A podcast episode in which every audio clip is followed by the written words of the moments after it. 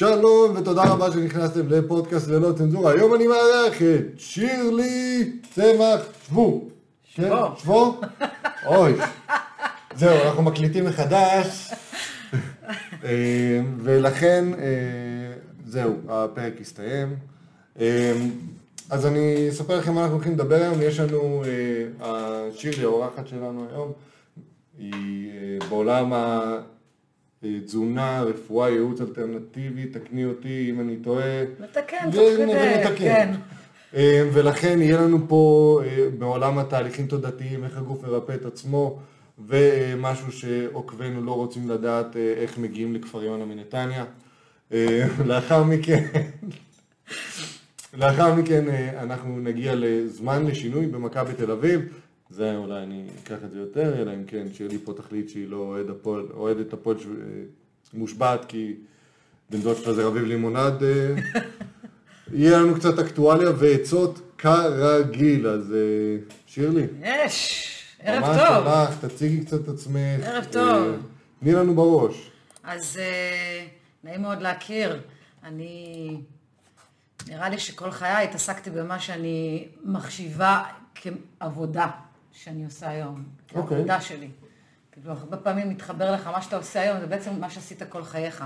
אוקיי, אמ, וזה ההתעסקות עם הגוף, או ההתעסקות עם המערכת יחסים עם הגוף. אה, השאלה הזאת היא כל הזמן אם מה שקורה לגוף ומה שקורה לי זה אותו דבר, ואם אני... מבחינה של תפיסה של המציאות, זה, זה מתחיל מזה שילדה שגודלת אה, עם עודף משקל, בואי, תתקרבי אליי לפריים. כן, זה מתחיל, זה מתחיל להיות ילדה עם עודף משקל, אוקיי. שכל הזמן מתעסקים אה, עם העניין הזה של עודף משקל, כי מקבלת הערות מבחוץ. היא, אני, מקבלת הערות מבחוץ כל הזמן. אה, וזה, וזה, ולהיות במקום שכל הזמן אני בודקת את עצמי לפי המדד הזה. איך אני לפי המדד הזה? האם אני הכי שמנה בכיתה?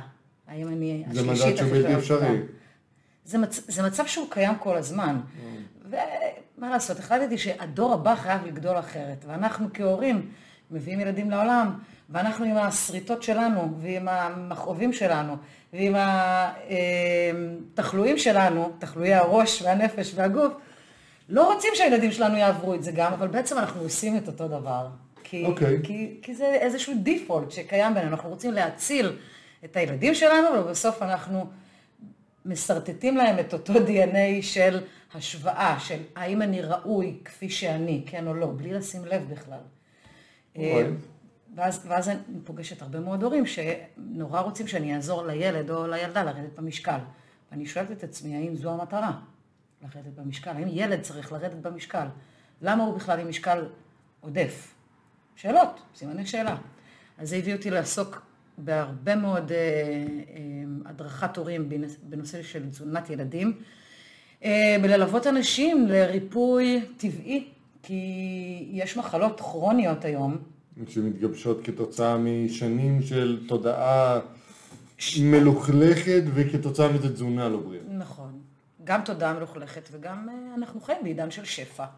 ואז אנחנו אה, עושים הרבה מאוד פעולות שכשאנחנו צעירים אנחנו לא מרגישים אותן, אבל זה מצטבר ומצטבר ומצטבר. ההמבורגרים המאוחרים, את אומרת. כן. הפיצות. גם ההלקאות העצמיות, כן, הרמב"ם כל הזמן דיבר על הנפש. הנפש היא הרבה לפני האוכל, הרבה לפני התזונה. בריאות.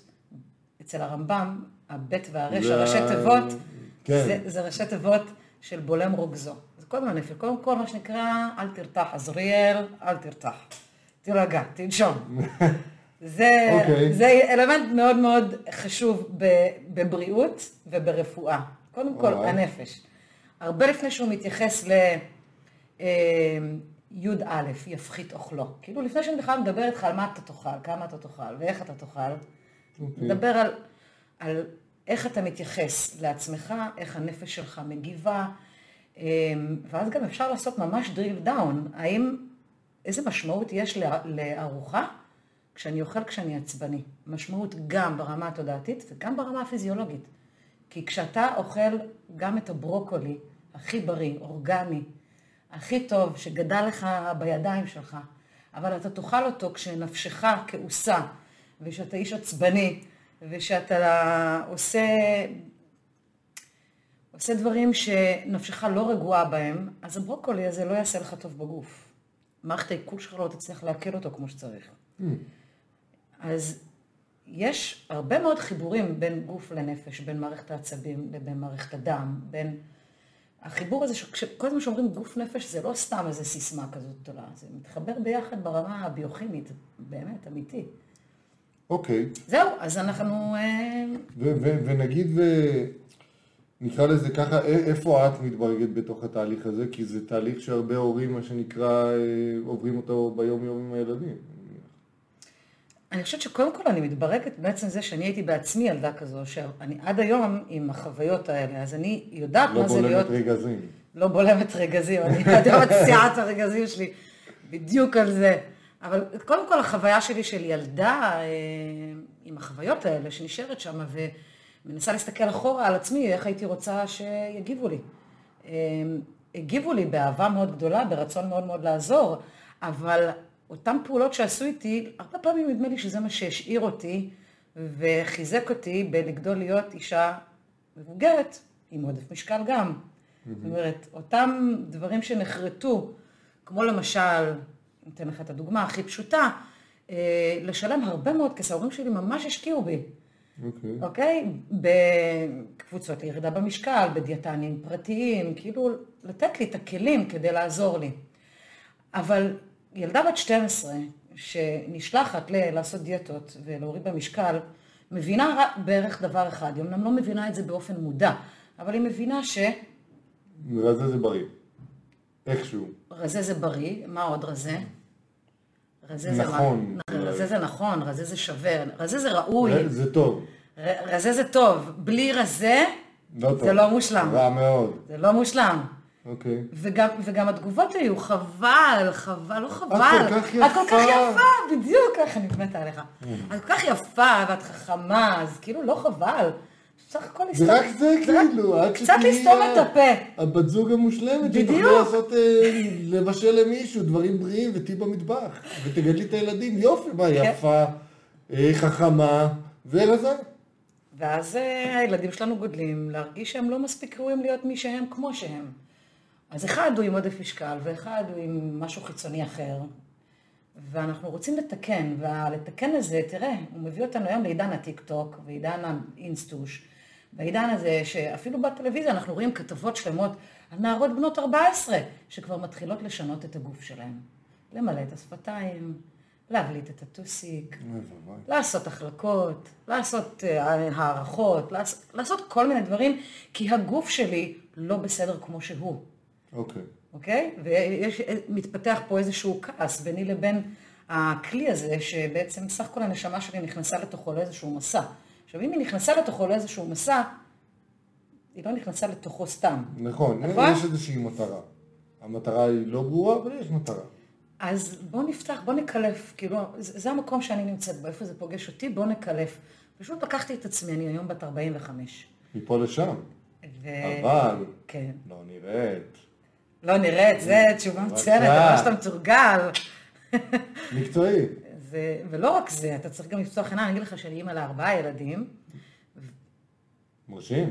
יפה. אכן, לא, מרשים. תעשה את זה אותנטי. רגע, רגע. וואו! לא יאמן עליי. אז... אה, לא, אבל באמת, זה ארבעה ילדים. כן, אבל מה עכשיו? בכלל שכחתי מה שרציתי להגיד על זה. זה בעיה. אה, יש? חזר? לא. לא? לא חזר. בסדר, זה...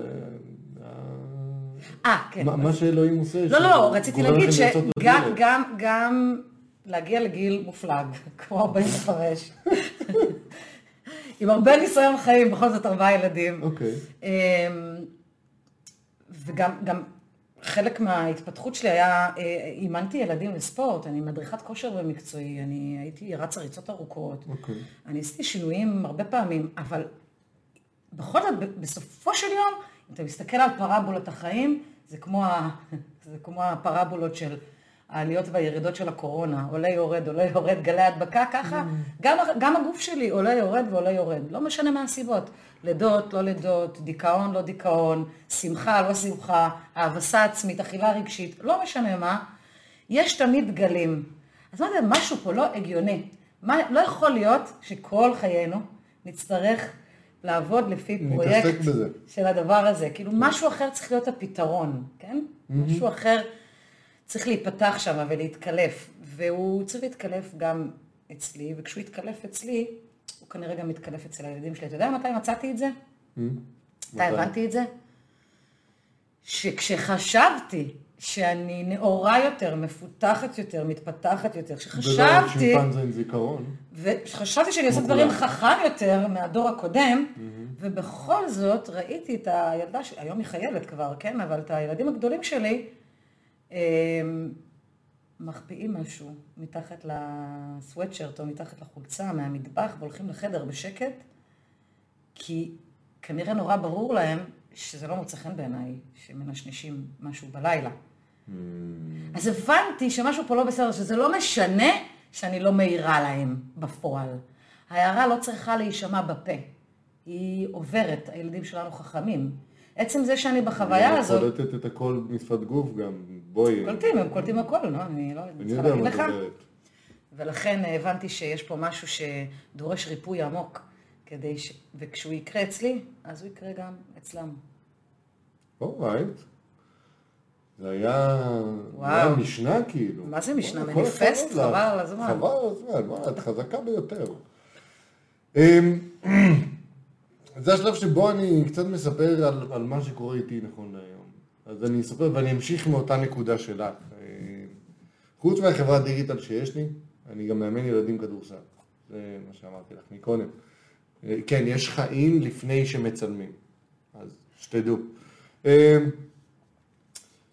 ואתמול היה לנו הפסד לקבוצה שלי, שאני תופס ממנה קבוצה טובה. קבוצה טובה. מול קבוצה רעה יותר. באמת, לא טובה, לטעמי. ושאלתי את עצמי, מה, מה קרה שם? למה זה לא... למה זה לא עבד? ושמתי הייתכן לב... שבאת זחוח? קודם כל כן, קודם כל כן, חד משמעית, אה, אבל זה לא העניין, לדעתי. לדעתי זה, זה מה שקרה שם זה שאין אין shift בין, אה, אין shift חשיבתי או מחשבתי או בין המצב של אנחנו בחבר'ה, צחוקים, עניינים, לבין בואו נטרוף את המגרש. לבין שקט עכשיו, אנחנו מדברים רק על כדורסל, עושים את הכל כמו שצריך, לא מוותרים על שום דבר. וככה שיתפתי אותם, וגם ה- זה היום היה לי אימון כזאת, מאימון כמו שאתם רואים, לא ספורטיבי בכלל, אלגנט. אמ, נייק מכופתר. ו- ו- בדיוק. ומה שהם עשו, הם, הם עדיין התייחסו לדברים ברובד מאוד שטחי. והיכולת לגעת בנשמה של, של כל ילד שהוא צעיר, זה לעבור איתם שלב, שני שלבים מעבר. כי אם הם יגידו, טוב, היינו צריכים למסור יותר, זה, זה לא מעניין. אם ישלחו לי, אני אגב מבקש מהם לשלוח לי סיכום משחק, כולם שולחים לי 15 ילדים, אני בודק את כולם.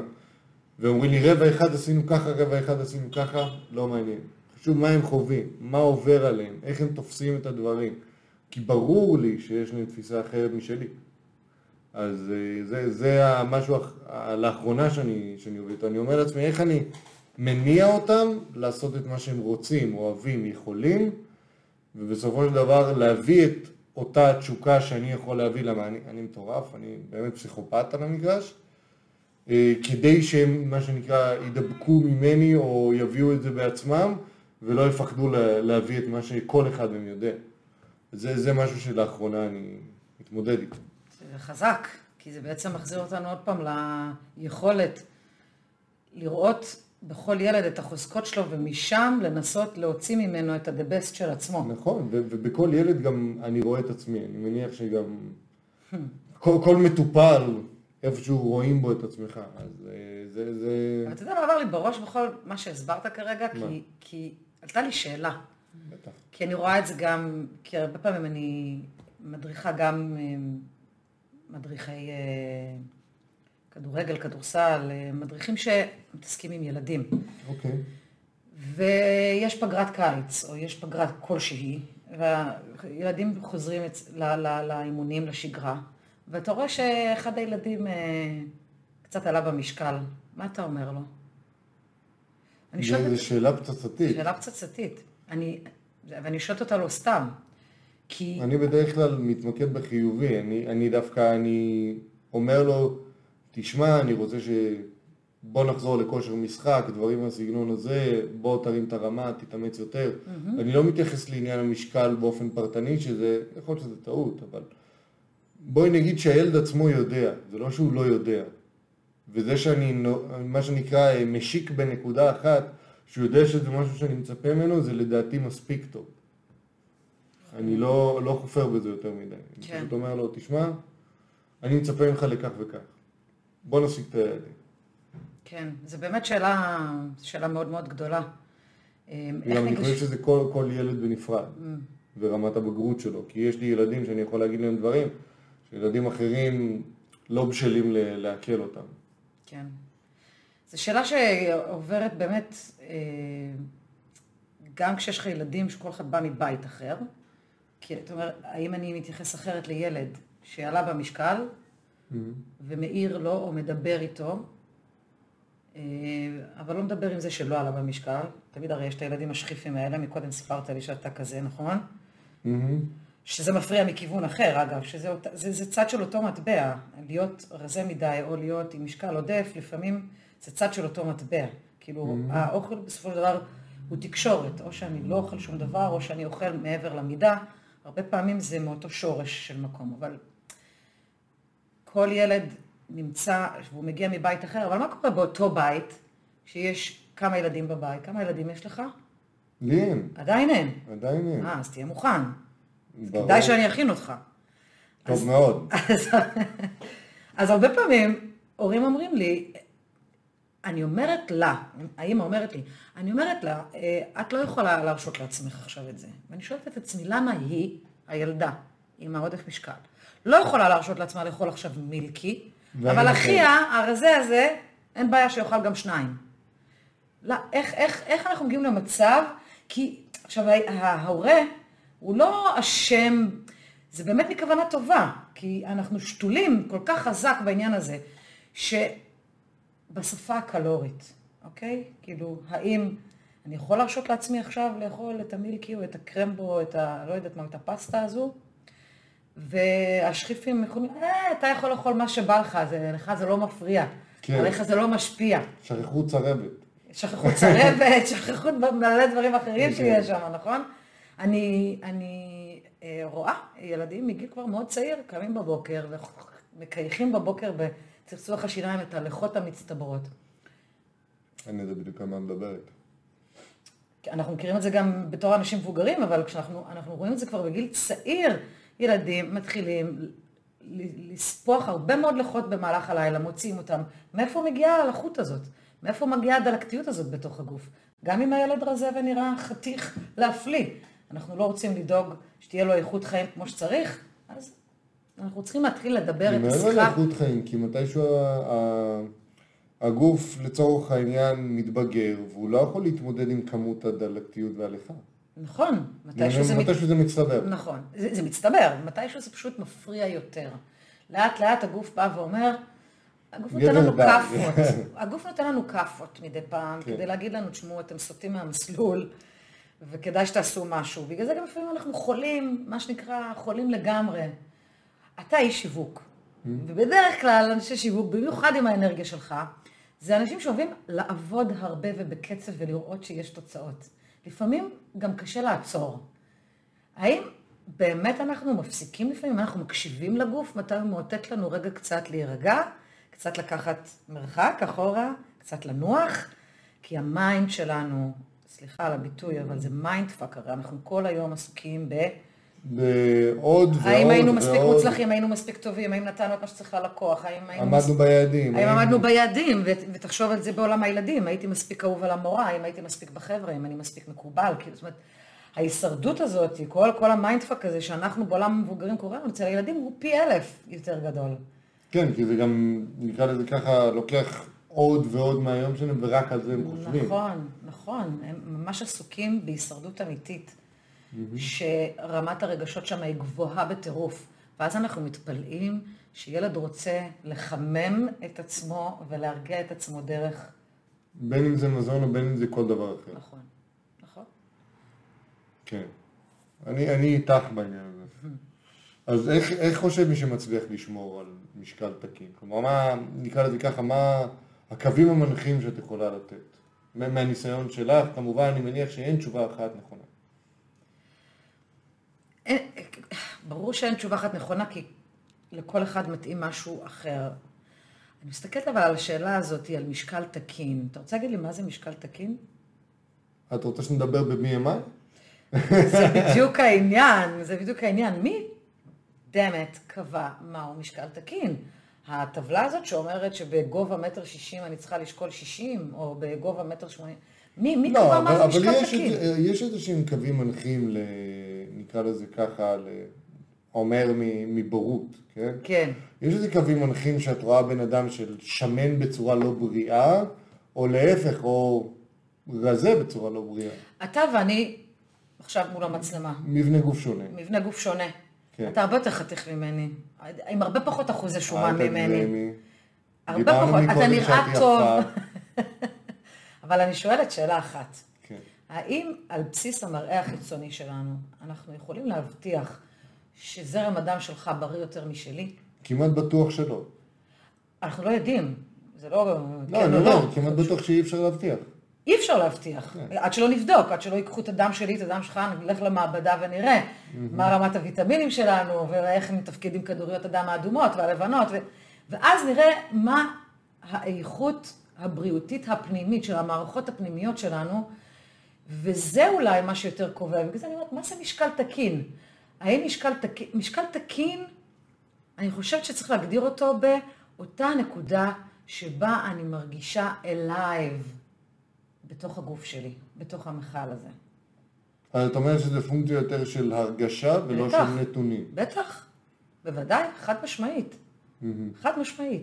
אני יכולה גם להיות במשקל תקין ולסבול מאיכות חיים ירודה מאוד, כי, כי עדיין המערכות... כי אני. בעייפות כרונית, כל הזמן אני עייפה, ואני, ואני לא חיונית ולא ויטאלית, אז מה, the fuck, זה ממש משנה לי אם אני במשקל תקין.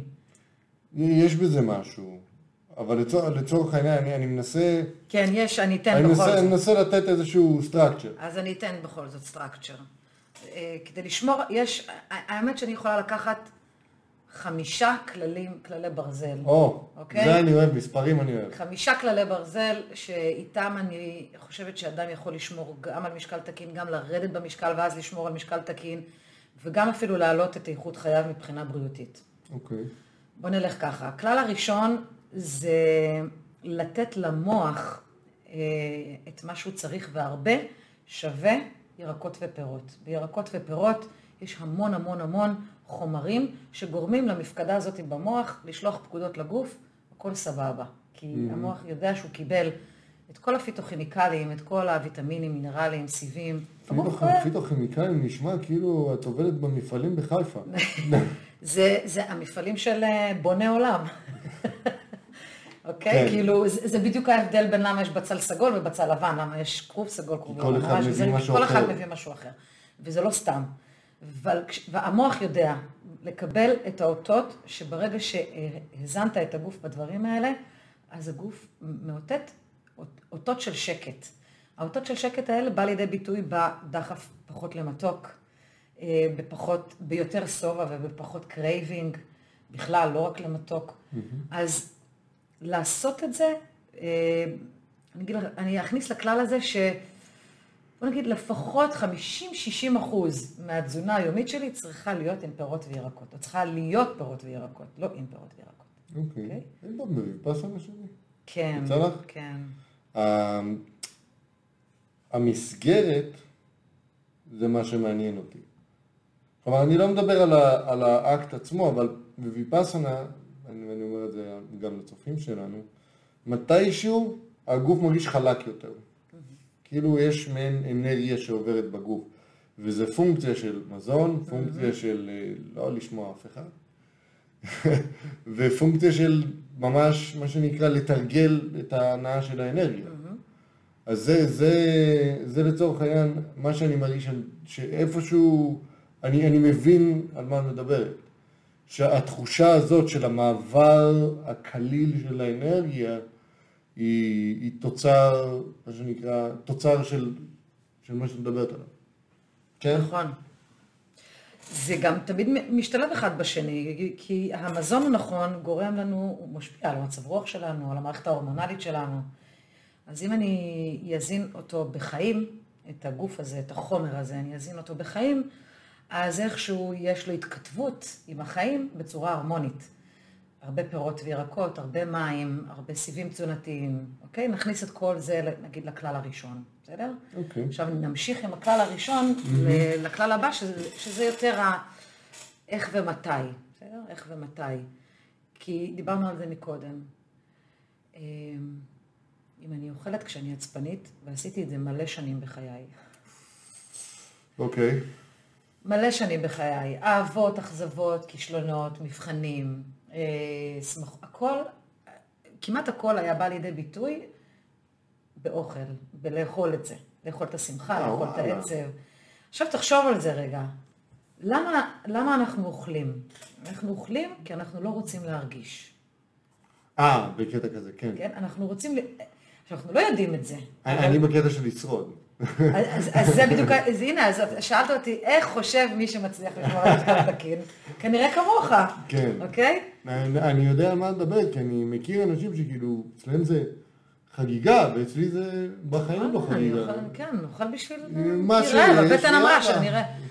רובנו, ורובנו גם הלא שמנים, גם הרזים יותר, אה, היום אנחנו כבר... השפע אומר לנו, יאללה. אנחנו כבר התרחקנו מהמנגנון הזה של באמת לאכול כשהגוף רעב. התרחקנו לצערי, אנחנו מאוד רחוקים מזה, ואנחנו אוכלים המון המון אה, אכילה מוגזמת, מיותרת. באמת, הרבה. Mm-hmm. הרבה מעבר למה שצריך. אז נחזור לחמשת הכללים? קדימה. סליחה. אני הפרעתי. לא, אתה לא, בכלל לא הפרעת, אני רוצה ש... אני מתנצל. אז יש לנו לתת למוח את מה שהוא רוצה. אני קוראת לזה המ"פ והסמ"ך מ"פ של הגוף, אוקיי, המפקדה, עם הסיבים תזונתיים, עם המינרלים והפיתוכימיקלים. סמ"ך מ"פ, אני קוראת לזה. אני חושב שאנשים רוצים לראות את הפרצוף שלך יותר, אני יודע שאני יפה. יודע... ואמרנו שאנחנו רוצים לקחת את הדבר הזה. אה, אני אתקרב בשביל זה. תראי אותי בזווית העין. הכלל השני הוא להתחיל את היום, אה, להתחיל את היום נקי. אוקיי, מה זאת אומרת? להתחיל את היום נקי, זה אומר שאם אני פותחת את היום ישר בסנדוויץ', זה נחשב נקי או לא נקי לדעתך? תלוי מה יש בסנדוויץ', ותלוי ממה הלחם של הסנדוויץ' מורכב. נכון. כלומר, אם את שואלת אותי, אני, אני שם ליטר מים לפני הכל. זה נקי. אז אחרי זה בא הסנדוויץ'. לא, כן, זה לא, בדיוק. אבל תראה, תראה איזה יופי, תראה איך נגעת בנקודה. כשאנחנו מדברים על נקי, אמרת, רגע, קודם מים.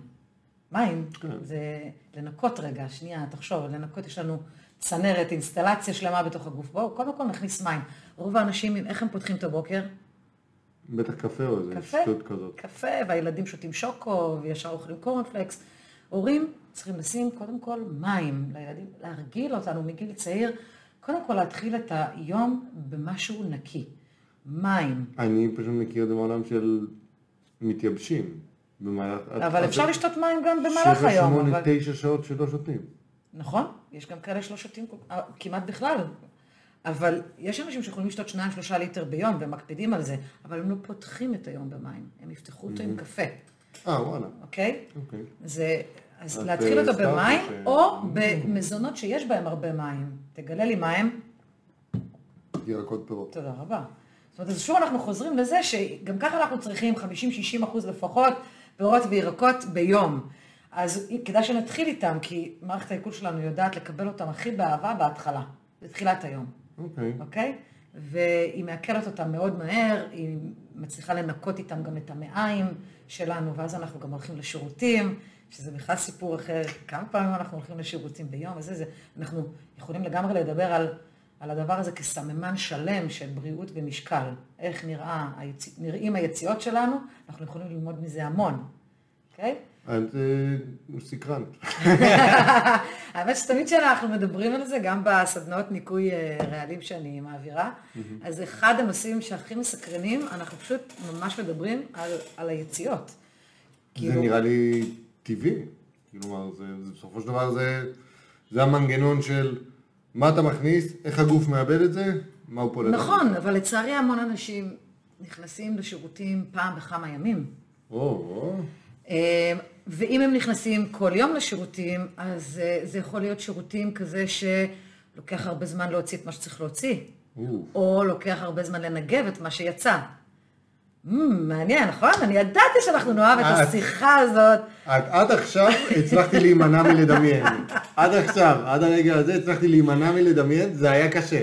המוח שלי אמר, הנה, לא, לא. בעריכה אחר כך תשים אייקון של... אה, של... אה, שיט. אה, אבל זה, זה אחלה נושא, זה אחלה נושא שגם דרכו אני יכולה לדבר עם הילדים. אני לילדה שלי בת החמש אומרת לה, אלה, לפי הקקי שלך היום, אה. אכלת ירקות ופירות, נכון? נכון, אמא. ואז היא יודעת שצריכה לגשת לאכול פירות כדי שינקה לה יותר את הבטן. היא יודעת את ההקשר בין איך אני, הגוף שלי יגיב לפי מה אני אוכלת, אוקיי? אוקיי. יש איזשהו קשר, אמ, ואנחנו מבינים את זה כבר מגיל צעיר. אז אמרנו, כלל אחד, לאכול את הרבה מהדברים הנכונים, לעשות את זה בשעות הנכונות, להתחיל עם זה את הבוקר. מה, מה, רציתי... כן, טוב, זה, טוב, הראש שלך תמשיכי. במקום אחר, דבר אליי. לא, לא, אני, אני רציתי לשאול, מה לגבי כל העולם של... אה, יש כל מיני תזונות חדשות כאלה, כל מיני אה, קרניבורים, או פלאו, פלאו, או קיטו, קיטו. או אלה. נכון. מה דעתך עליהם? אמ, אמרת לי, שה... התרשמתי גם, שהפודקאסטים שלך, בטח בטח לפי השם זה ללא צנזורה. כלומר, אתה מזמין, הזמנת אותי בשביל שאני אגיד הכי את מה שבא לי, נכון? כן, מה זאת אומרת? עד עכשיו אנחנו מדברים פה על אה, מה אענה. זה, מה מתנגב החוצה. אז אה, אני, אני, אני לא בעד הדברים האלה בכלל. אה, וואלה. כן, אני ממש לא בעד. רק מעצם זה שאין שם בלנס הגיוני, אוקיי? כי אם אני עושה תזונה מסוימת שנותנת דגש ל-80% שומן מהתפריט שלי, או 80% חלבונים בתפריט שלי, זה נשמע לך שזה הגיוני ומאוזן?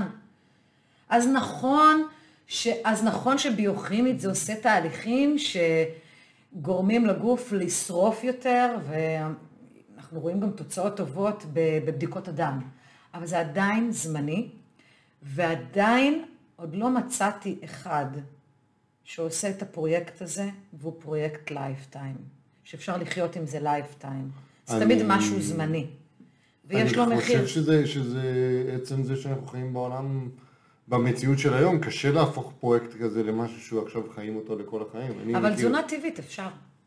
אה, כן.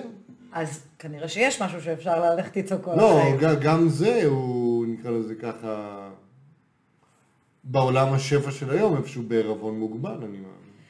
כשאני מדברת על תזונה טבעית, זה לא אומר שאני איזושהי מיסיונרית של להיות טבעוני או להיות פרוטריאני ולאכול כל היום אגוזים וזרעים. אוי ואבוי. נכון? אי אפשר, גם אני לא יכולה. אל תזכיר לי. זה, זה קשה. למרות שיש אנשים שחיים ככה, באמת. כן. אבל זה ממש ממש קשה. אבל תזונה טבעית זה אומר שהשאיפה שלי היא להיות בהרמוניה עם חוקי הטבע. חוקי הטבע נתנו לנו פירות וירקות כדיפולט. העיניים שלנו בנויים לפירות וירקות, בגלל הצבעים שהם, שאנחנו נמשכים אליהם. הידיים שלנו בנויים לקטיף. הכל תואם את הדבר, המערכת העיכול שלנו תואמת פירות וירקות. איך יכול להיות שאני אגיע לתזונה, שהתזונה שמה אומרת שאני לא יכולה כמעט לאכול פירות וירקות? כי בפירות האלה יש יותר מדי פחמימות, ובזה יש יותר מדי, כאילו, משהו פה לא מסתדר לי. חוץ מאבוקדו. אוקיי? אבוקדו, כי הוא שומן. אז אבוקדו, אין בעיה, תאכל. אבל להגיד לי שאני לא יכולה לאכול עגבנייה, או שאני יכולה לאכול ממנה ממש מעט, או להגיד לי תותים זה לא, ענבים ממש לא, אבל כאילו, על הדבר הטבעי, הבס... הכי ברירת מחדל, אדם וחווה, כאילו הגוף שלנו הוא שם, הוא הכי שם. להגיד לי על זה לא, נשמע לי, נשמע לי שבונה ובורא עולם, מה שלא תאמין בו, לא התכוון לזה. זה בבונה עולם. כן, בונה. עולם. תשמע, אה, יש, יש לנו את כוח הבריאה, אני לא, זה לא משנה אם קוראים לו... לא, את, את לא יודעת שבונה עולם זה הסתלבטות. זה הסתלבטות, ברור שזה הסתלבטות, אבל זה הסתלבטות אה, לא, לא בקטע רע, זה כי, כי זה לא משנה, יש להאמין באלוהים ויש להאמין בכוחות היקום, הכל זה כוח גדול מאיתנו. אלוהים הוא כוח גדול מאיתנו, והבורא הוא כוח גדול מאיתנו, ויש כאלה שגם מתפלספים. לא, אני לא מכיר את הדחקה. אה, נו, מה, חשבתי שאתה מתכוון על אה, ארץ נהדרת. נו. נו. ועל מי הם צוחקים? על מי הם צוחקים? אני שאלתי קודם. לא, אבל הקטע הוא שצוחקים על פרחות. כן, אבל המושג בונה עולם זה כי לוקחים בעצם את האמונה באלוהים נו. והופכים אותה ל...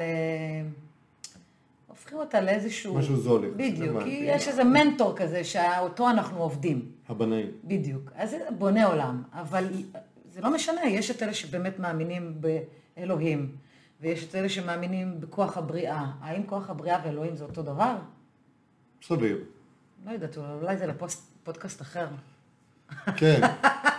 לפודקאסט של... אה, של חבר שלי יאקי, זה, יאקי המתקשר הקבלי. אה, תזמין אותו, אני אשמח לבוא גם, בקרוב, שיחה מעניינת. בקרוב, אני כן. זה, אני אזמין אותו. כן. אמ, אז את אומרת ש, שלמעשה כל התהליך התודעתי, ה... ה... רגע, אבל היינו באיזה כלל שני. נכון, היינו בראשון, היינו בשני. אמ, הכלל השלישי הוא, דיברנו על הנפש, אולי הוא אפילו הראשון. את את מסבכת אותי עם מספרים, זה ממש לא לעניין. לא לעניין. אנחנו החלטנו עם, עם...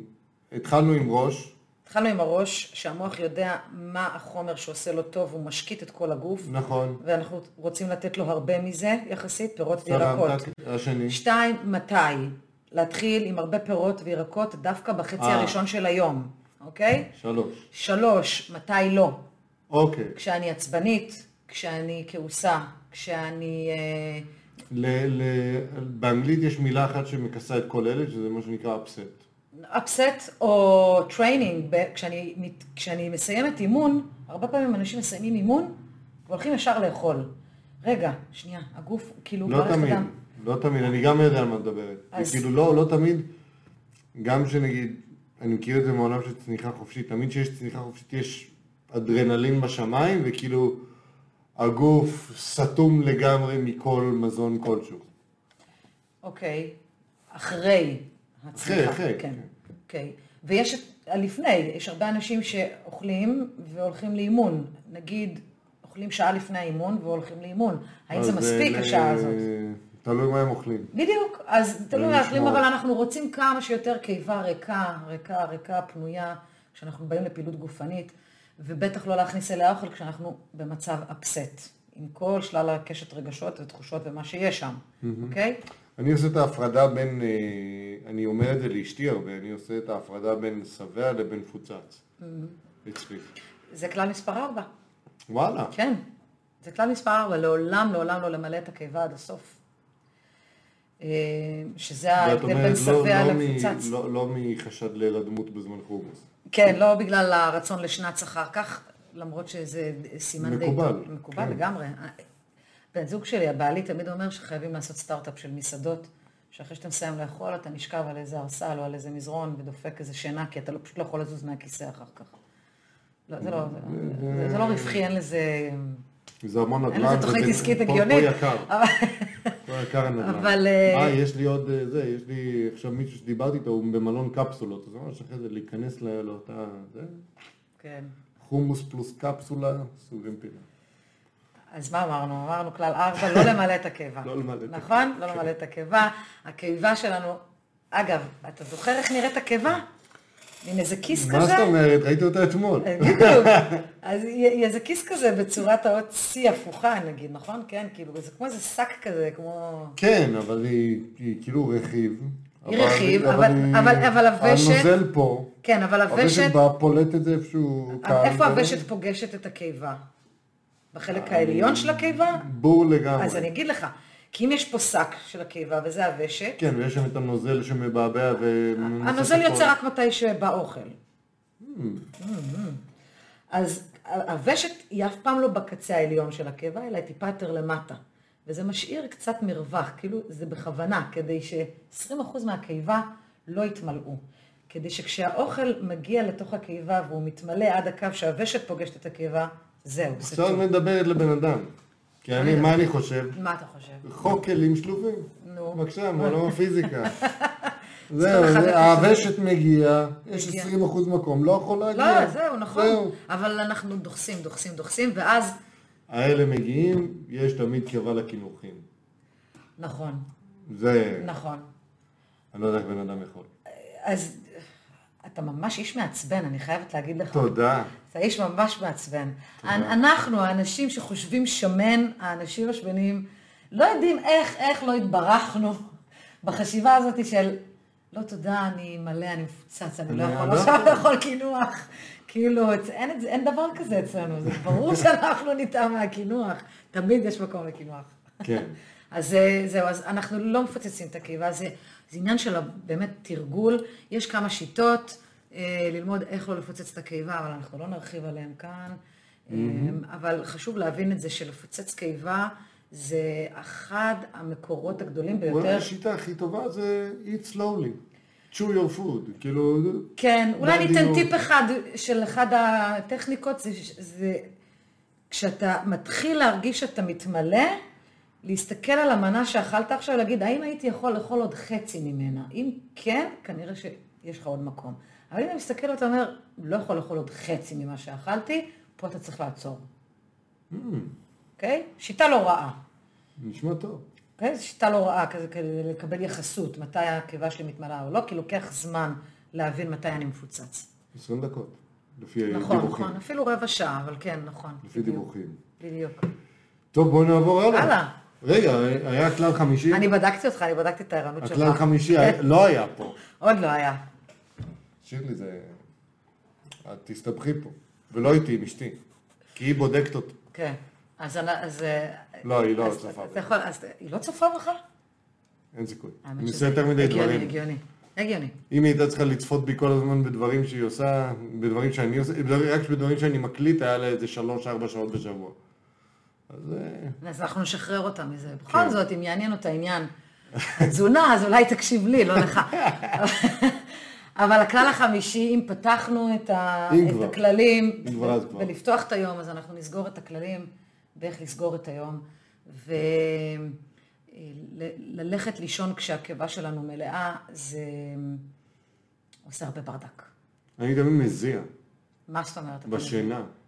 כשאתה הולך לישון על קיבה מלאה, או כן, באופן מלאה, כללי? מלאה. כן, כי הגוף צריך ממש להתאמץ. לפני בערך 15 שנה המציאו את, משהו כזה, המציאו גלולת הראייה כזאת, שאתה יכול לבלוע קפסולה שיש בה מצלמה, ואז היא מטיילת במערכת העיכול, ואפשר לראות מה קורה שם. ואז הבינו, כן, אחרי ההמצאה הזאת, הבינו שבאמת, לא רק בתיאוריה, הבינו שבאמת מערכת העיכול באיזשהו שלב בערב, כשיורדת החשיכה, ובטח ובטח כשהגוף במצב מאוזן. מאוזן, מערכת העיכול, מה שנקרא, יורדת להילוך ראשון, אם לא לאפס, אם לא לניוטרל. עכשיו, לא משנה כמה אוכל תכניס, היא לא תעבוד אותו דבר כמו שתאכל את הארוחה הזאת בצהריים. ואז זה אומר שהאוכל שוכב באותה קיבה שדיברנו עליה מקודם, שוכב נותן שם... שם איזה שעות, ככה. כן, נותן שם עוד כמה שעות, אני לא צריכה להגיד לך איך זה מריח, איך זה מרגיש, איך זה נראה, כשהמערכת העיכול שלנו צריכה שם להישאר הרבה זמן עם מזון מורכב, עד שהעיכול בכלל עובד, העיכול לא כל כך עובד בלילה. אז זה גם, גם הרמב"ם מדבר על זה המון בכתבים שלו, על המקור לחולי מאוד גדול הוא מאכילת לילה. אז להתרחק כמה שיותר מאכילה סמוך לשינה. עכשיו, יש תמיד כלל שאומר לא לאכול שלוש שעות לפני השינה. אני אומרת שאני מכירה את זה. מרוב חיי, זה קשה, אני תמיד מנשנשת הייתי מול הטלוויזיה ולפני שאני הולכת לישון. לפעמים זה היה ביס וללכת לישון, זה כאילו, ויש הרבה מאוד אנשים כאלה. אוכלים, ואין בכלל הפרדה בין זמן עירות, זמן שינה, זמן... אין הבדל. אז זה קשה. אני חושבת שעד היום, אחד הכללים שהכי קשים לי לביצוע, זה הכלל הזה. ואז אני אומרת, זה פשוט לעשות את השיפור הזה, השיפור הקטן הזה. אם אני רגיל לאכול עד עשר בלילה, אז לנסות לשפר את זה לרבע לעשר בלילה. או לנסות לשפר את זה בכך שאני מפסיק לאכול יחסית מוקדם, נגיד בשמונה או בתשע בערב, ואם ממש בא לי עוד משהו אחר כך, שזה יהיה משהו קל, כמו פרי, כמו משהו שמתעכל מהר, לא, לא משהו כבד עכשיו שישכב לי בקיבה הרבה זמן. ולנסות לעשות את השיפור, אגב, בגלל זה השם העסקי שלי זה improving, זה לש... I am proving, אני משפרת בכל פעם עוד קצת מעצמי, אוקיי? Mm-hmm. Okay? אז זה הכלל החמישי, ממש לשים לב לאכילת הלילה ולנסות ליצור מרווח כמה שיותר גדול בין מה שנמצא לי בקיבה למתי שאני הולכת לישון. Mm-hmm. יפה? אז הנה. סיכמנו. התורה. הרבה ירקות, לפתוח איתם את הבוקר, לא כשאני אפסט, נכון? כן. אה, לא לפוצץ את הקיבה ולהרחיק את אכילת הלילה. שים לב, באף אחד מחמשת הכללים לא דיברתי על לא קלוריות, לא פחמימות שומניים, לא, זה... לא שום זה דבר עניין- מהשפה, מה- מהשפה של אה, לך... אה, מהשפה ה... הזאת שמקשה אה, כל זרימה של אנרגיה. מהשפה שרק כשאני שומעת אותה בא לי לאכול. כשאומרים לי דיאטה כבר בא לי לאכול. כאילו, אל, תגבילו אותי, אל תגידו לי מה לאכול. זה איזשהו אנטגוניזם שאנחנו מפתחים, אתה לא מכיר את זה, כי בחיים שלך לא עשית דיאטות, נכון? נכון. נכון. כאילו היה לי איזה שהן תקופות שהייתי צריך להקפיד בהן יותר על, אה, כן. על, על תזונות, אבל, אבל לא בקטע של הרזיה. אז, אז כל מי שמכיר את uh, עולם הדיאטות, ההולך וחוזר, בא ובא ובא והולך, יודע שברגע שאנחנו נכנסים לאיזשהו צמצום, אנחנו רוצים לבעוט. שמעתי את זה. Yeah. עכשיו אני מקבל את זה גם ממקור אחר, גם ממקום אחר. אה, טוב, על זה נראה לי נוותר, כי אני חושב שגם דיברנו. וואו, דיברנו מלא. כן. אני שואל אותך שאלה בתור אה, מישהו שיצא מכפר יונה עוד אה, בצעירותו, בגיל 23, אבל נולדת בכפר יונה, נכון? מגיל 4. אה, אוקיי. סוג של נולדתי. אם אפשר לקרוא לזה ככה כל הילדות, אני נגיד לא זוכר את מה שהיה ברמת גן. האם כל מי שלא התקבל בינתיים נמצא בכפר יונה?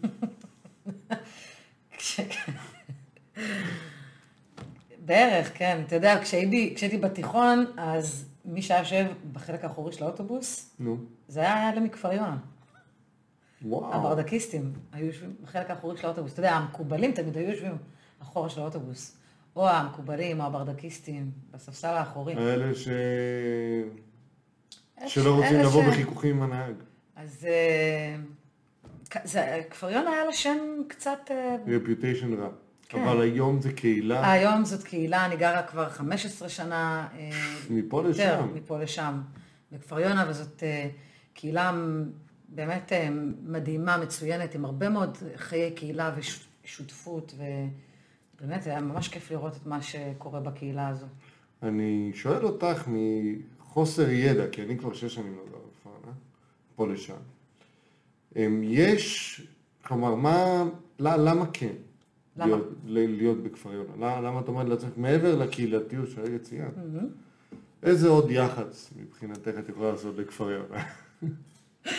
לא יכול לחייך ככה, את מדביקה אותי, אני חייב לשאול את השאלות ברצינות.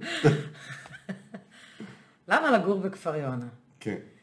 אתה יודע שכפר יונה זאת עיר כבר כמה שנים. לא רסמית, זה? רסמית היא עיר. רשמית. רשמית היא עיר. בשביל המשכורת של ראש העיר. בשביל המשכורת של ראש העיר, לא יודעת בגלל איזה סיבות. כן. אבל בחוויה היומיומית שלנו היא כפר, כפר, היא באמת כפר. אנחנו גם, השיח שלנו זה, תגידו, יש בכפר, כאילו, בית מרקחת, נגיד איזה מישהי חדשה נכנסת לגור בכפר יונה ושואלת את הקבוצה שלה, יש בכפר, כאילו כבר, המונח כפר מאוד שגור אצלנו. אז כאילו איכות החיים היא כפרית, איכות החיים היא של קהילה קטנה, למרות שרשמית היא רשומה במוסדות אה, המדינה עיר. כן. אז מי שרוצה ליהנות מהאיכות החיים הכפרית הזאת של הפרברים, אבל, וואלה, היה לנו מחנה. אבל הפקקים זה לא, זה לא איזה איי איי איי. אמרתי, למה כן? לא, למה? אתה רוצה לעשות קידום לכפר יונה? אני, אני לא רוצה לעשות תיאום מה תיאום יוצא? What's in ציפיות. it for me? אני לא בעולמות רוצה תיאום השיווק. ציפיות, אני רוצה מכירה. אתה רוצה מכירה. לא רוצה תיאום ציפיות. אבל what's in it for me, אני שואלת. מה יצא לי מזה אם אני אמכור את כפר יונה? זה שאלה... שכנים טובים. אולי. כן, כן. זו שאלה אמיתית. שאלה אמיתית. או אנשים מוזרים שמקשיבים לפודקאסט. בדיוק. מי שעוד הקשיב עד עכשיו, בכלל. אנ- אנשים... מי. שהקשיב עד עכשיו, אני לא בטוחה שאני רוצה אותו בכפר יונה. סתם אנחנו מפרגנים. להפך, ההפך. הוא הנכון. אה, בואי נעבור לנושא הבא, ויש. לנו, הגיע הזמן לשינוי במכבי תל אביב כדורסל, ואני אעשה את זה, גילוי נאות, אני אעשה את זה מהר, ואני אגיד לך את זה. אני אנסה לקחת אותך בתור מישהו, אה, נקרא לזה ככה, אובייקטיבי מבחוץ. אוקיי. מכבי תל אביב זה סוג של אה, קונצנזוס שהייתה הקבוצה של המדינה המון שנים, לאחרונה כבר לא. כלומר, זה משהו שדיברתי עליו עם ערן לפני כמה פרקים, והוא אמר, עד לא מזמן כן, היום כבר לא. ומה שקרה בעקבות תקופת, ה... בעקבות תקופת הקורונה הנוכחית, זה שהם יצאו למין עונות פיננסיות. עונות פיננסיות בעונה הראשונה, כלומר בעונה הראשונה של העונה הפיננסית, הם כאילו שמרו על סגל, נקרא לזה ככה, מאוד מגובש, מאוד אחיד, מעין אה, חוויית מה זה עונה כזאת, פיננסית? שהם לא מוצאים הרבה כסף. שמה? לא מוצאים הרבה כסף. שלא מוציאים הרבה כסף, אוקיי. כן. והם הצליחו לשמר את הסגל ההוא, אולי אחד או שניים עזבו, אם אני זוכר נכון, והם עדיין הצליחו להגיע, להגיע להישגים. העונה, איך אומרים ברוסית, הלכו פיזדיאץ. אמ, ואתה משתפר ברוסית. אוי, כן. נו, בן- בסדר, אתה אה, טוב. לא. היה לך תימני שיודע רוסית. כן. בבקשה. זה- זה, בואי, רמה, 10 בדולינגו. אמ, אז אם אני חוזר לעניין של אה, מכבי תל אביב, מה, מה שקורה זה שבעקבות העונה הפיננסית שלהם עונה שעברה, והם עכשיו נמצאים עדיין בסוג של עונה פיננסית, איך אני אגיד את זה? המאמן ברצף הפסדים שלא היה בכל מכבי תל אביב לעולמי עולמיה, מה נקרא, והם עדיין לא מפטרים אותו בגלל שהם צריכים את הכסף, והם לא יכולים לשלם למישהו חדש. אמ, עכשיו, יש הרבה חילוקי דעות בעניין, הרבה אומרים המאמן אשם, הרבה אומרים השחקנים אשמים, אבל מעט מאוד אנשים אומרים ההנהלה אשמה. וגילוי נאות, אני יכול להגיד לך, אני משוכנע שההנהלה אשמה. ואני אגיד את זה פה, ומעט מאוד אנשים מפחדים להגיד את זה.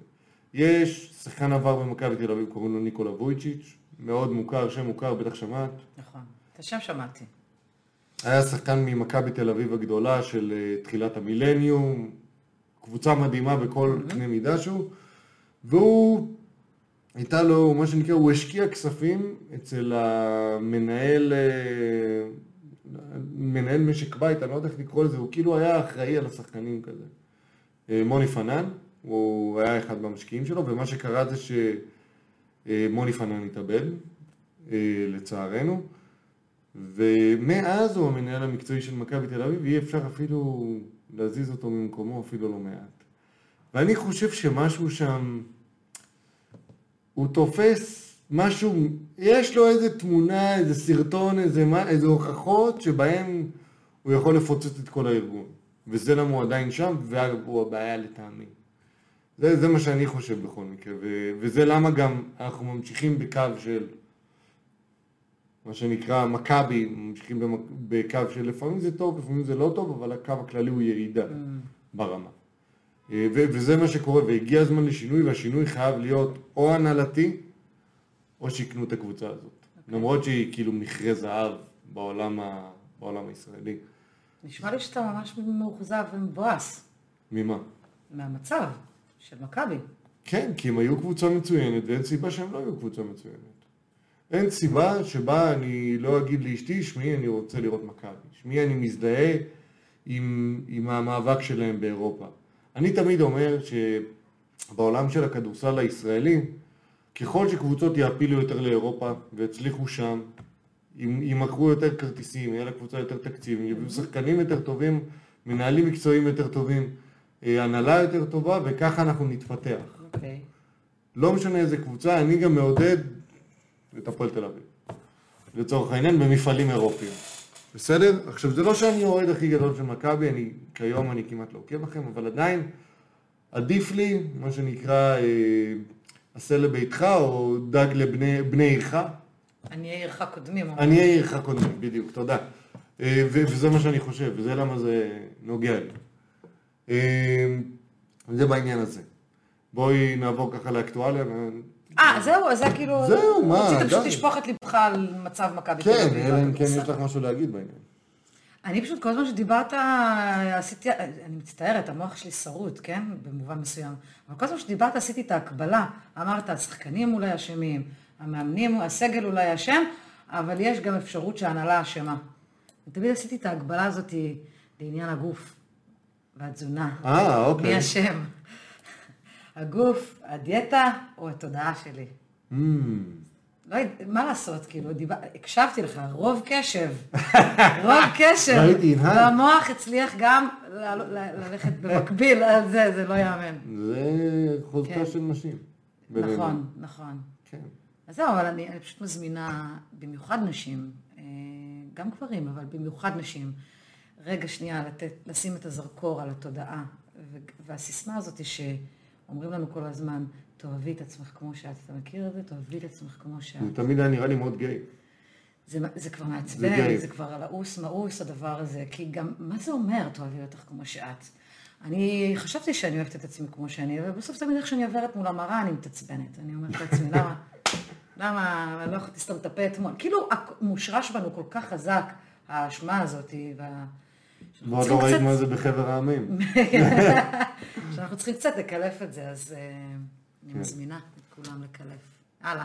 מה יש לנו? שפעת מול וירוס הקורונה? יש לנו עוד זמן לזה? אה, נעשה את זה קצר, תשמעי, יש לנו... אני חייבת להגיד משהו על זה. כן. שפעת מול וירוס הקורונה. אני שמה רגע את המילה קורונה בצד. מול וירוס אחר. כאילו, זה וירוס, נכון? אנחנו כן. כבר מבינים שזה וירוס, ויש כל מיני וירוסים. יש וירוסים של שפעת, יש וירוס פפילומה, יש, כל מיני וירוסים. בסופו של דבר, למה אנחנו חוזרים? לאיך, הרי, אוקיי, אני, אני אגיד את זה אחרת. אם אתה ואני יושבים עכשיו בקופת חולים מחכים להיכנס לרופא, ויש מישהו חולה שיושב לידינו בכיסא, לפני עידן הקורונה חלילה, כן? שלא, לפני עידן מתרחקים הקורונה. ממנו בעדינות. נגיד שלא התרחקנו והוא עשה וואחד אפצ'י על שתינו, אוקיי? עם ריסוס. עם, עם ריסוס. פרי and פרי. אוקיי, עכשיו אני שואלת אותך שאלה של כן ולא. האם בהכרח שנינו נחלה או נדבק לא. ממנו? לא. במה זה תלוי? מערכת החיסונית שלנו, אני מניח. כל אחד, וזה, כאילו, יכול להיות שאני, עם המערכת החיסונית שלי, יחטוף אותה בגדול, ואתה עם המערכת החיסונית שלך, תדחה את הווירוס הזה ממך, לא תרגיש אותו בכלל. ולכן אני חוזרת כאן, בכל תקופת הקורונה המטורפת הזאת, וכל הקמפיינים והכסף שהממשלה שמה על כל מיני דברים שאני בכלל רוצה לדבר עליהם, לא שמו אפילו פעם אחת, או לא, לא נתנו דגש כדי לחנך או להדריך או לתת לא, איזשהו פחד. אור. רק פחד. לתת איזשהו אור איך להחזיק את הגוף שלנו בריא בזמן חורף, איך לה- להחזיק את הגוף שלנו בריא ועומד בפני וירוסים יותר מבדרך כלל. א- א- איך אנחנו בכלל מתייחסים לדיפולט הזה של להיות גוף שמצליח להחזיק את, ה, את עצמו בלי שהוא תלוי במחלות או בתרופות. אף אחד לא מסביר לנו את אבל זה. את מי זה מעניין? רק את הירקן המקומי. נכון, זה כמו, זה כמו שאנחנו אומרים, גם אפילו... גם בדיוק, את אשתי- הירקן המקומי. אשתי אומרת לי. דבר כזה, היא תמיד אומרת לי דברים כמו, אה, מה זה, אל תקנה בסופר ירקות, כי זה לא אה, ירקות שמחים. נכון. כן? אני כבר אוהבת את אשתך, אתה רואה? אני ידעתי ש... נכון. גם אז אני לא אני קונה... אני הולך פה לירקן שנמצא ליד המשרד שלי, והוא בא, היי, מה קורה? ואני רואה את כל הירקות מחייקים. מחייכים אליך וצ... ואומרים לי, נכון? בוא תקנה אותי ותאכל אותי, כן. יש גם את העניין של האנרגיה של המזון, אשתך צודקת, אתה יודע מה זה האנרגיה של המזון? אני, אה, יש לי קו כללי של ידיעה, חוץ מזה שאני בור מוחלט מהנושא. תחשוב, מה קורה למלפפון שאתה מכניס, או האם יש הבדל בין המלפפון שאתה מכניס לגוף, שהוא המלפפון שבא לפני חמש שעות אה, כן. מהשדה, או למלפפון שחיכה קצת באיזה קופסה, נסע במשאית, נכנס למקרר, ורק אז הגיע, ובעצם לקחת אותו אחרי שהוא כבר טייל כמה ימים, כאילו, מה באנרגיה הקוסמית, כן, שיש בין לא- המלפפון לא- הזה לא כולל את המשא ומתן. העצבני, ש... אה, לפי דיווחים, לכאורה רמי לוי מנהל עם הספקים. בדיוק. איזה אנרגיה מקבל המלפפון מהמשא ומתן הזה, כן. אני שואלת את עצמי. כן. כן. אמ, אז מה שרציתי לשאול אותך זה, יש, יש פונקציה, שזה זה מה שאני מכיר כרגע, זה המספרים שאני מכיר, אזור ה-90 חולים קשה בווירוס שלא לא נזכיר את שמו, אה, מול, אה, מול 1,600 חולים בשפעת בבתי החולים. אמ, מה, מה, מה הקטע כאילו? הקטע הוא... אה, כי אף פעם לא אמרו לנו לשים מסכות ולשים, וזריקות יותר מדי, ופה ושם בשביל שפעת. כלומר, זה היה, זה בתודעה. אתה יודע, אני לא- חושבת שאם זה לא חותך. שאם מהדורות החדשות שלנו היו כל החיים נפתחות בכמות המאושפזים או החולים או המתים ממחלות לא לב או. מסכרת או ממה, אז היינו מכ- מכנים כנראה כמעט כל סוג של מחלה כפנדמיה. כי המספרים האבסולוטיים של הדבר הזה לא שונים ממה שאנחנו ראינו בקורונה, או לפחות בישראל, בסדר?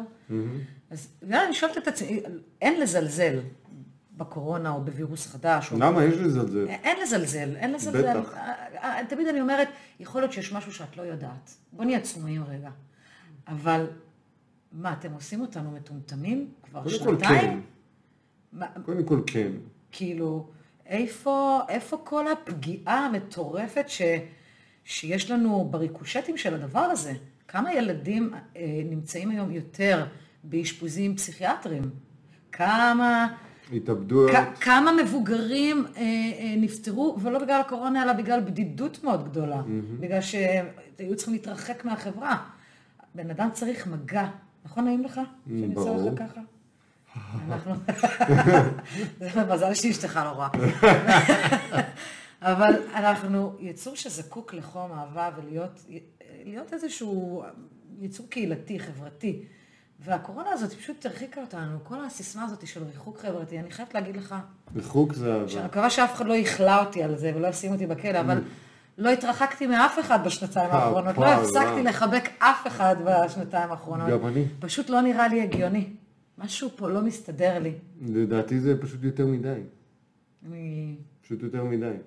במיוחד בעידן שבו אנחנו נמצאים בסמארטפון. נכון. על אחת כמה וכמה.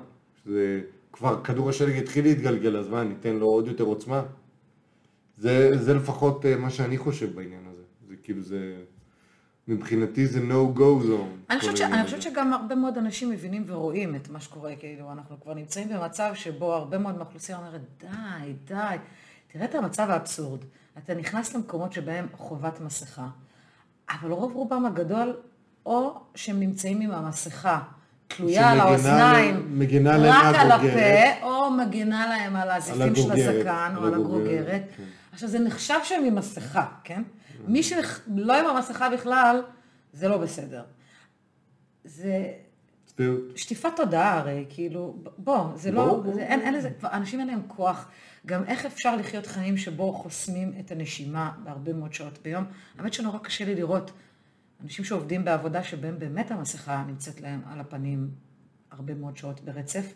שלא נדבר על, אם כבר אנחנו מתעסקים בבריאות טבעית, מה ההשלכות של הדבר הזה, של איכות הנשימה והחמצן שאני מכניסה לגוף מתוכו. יש לזה משמעויות מטורפות. אנחנו יכולים, אני מקווה מאוד שיעשו על זה מחקרים פעם, כמה זה השפיע זה- זה על- מרעיל. על, על, על אנשים יותר עצבניים, כמה זה משפיע יותר על, אמ, על, על מתח, על אה, בעיות עור, על אה, חמצון הדם, על, כאילו זה בטוח משפיע על משהו. אני ממש מקווה שלכל אחד יש את השכל הישר להחליט מה נכון ואיך לפעול, כי אנחנו עדיין חיים בעולם דמוקרטי. מקווה מאוד שלא נהפוך. נהפוך ל... ל... אגב, אני שונא את המילה הזאת, דמוקרטיה. אה, שונא אותה. אז מה אתה מציע? אמ, משטר קצת שונה. מציע משטר זה, שונה? זה, אני הולך לארח מישהו בנושא הזה. אגב, זה לא, אי אפשר לקרוא לזה משטר כי זה ההפך ממשטר. אה, שזה בין, בין זה, זה אותו דבר הלכה למעשה, קוראים, חלק קוראים לזה אנרכיה, חלק קוראים לזה קפיטליזם. שאין למעשה שלטון מרכזי, ויש מעין, כל, כל העולם שלנו בנוי על הסכמות הדדיות. עכשיו, זה קצת שונה מהעולם שקיים כרגע, אבל זה מה שאני מציע. אה, וזה זה פרק הרבה יותר כבד, ואנחנו אנחנו נתעכב עליו, ואני ממליץ לך לראות אותו בתור, ואת, כאילו, זה, זה יהיה אולי הפרק הכי מעניין ב, ב, בתקופה הקרובה בפודקאסט. לא נעלבתי. אחרייך. אה, אז, אז, אז אני, אני אעדכן לגבי זה, אני אציג גם הודעה מסודרת והכל. מעולה. אה, בוא, בואי ניקח איזשהו New Year Resolution, איזו החלטה אה, חדשה לשנה האזרחית. מה את הולכת לעשות עד עכשיו שלא עשית? לחגוג יותר את החיים. כפרה. כפרה. מה זה אומר? זה אומר, אמ, זה אומר שאני יותר ויותר מאמינה, hmm, מאמינה שאני עושה נכון וטוב לעצמי, משחררת את הפחד, אוקיי? גם בנושא הזה של הפחד מקורונה, גם בנושא הזה של הפחד מלהיות אולי בביקיני על חוף הים, ואז יראו שיש לי איזה גלגל בבטן. לשחרר את הפחד, לחיות את החיים, ולחיות אותם במלואם, ולרקוד אותם. ו... את? כן. מה את רוקדת? קודם כל אני רוקדת, נקודה, סוף פסוק. מה שלא, אני רוקדת ריקוד אפריקאי, אני רוקדת במועדונים, אני, רוק, אני רוקדת. אני אוהבת להעביר ביטוי דרך תנועה. אוקיי. יאללה.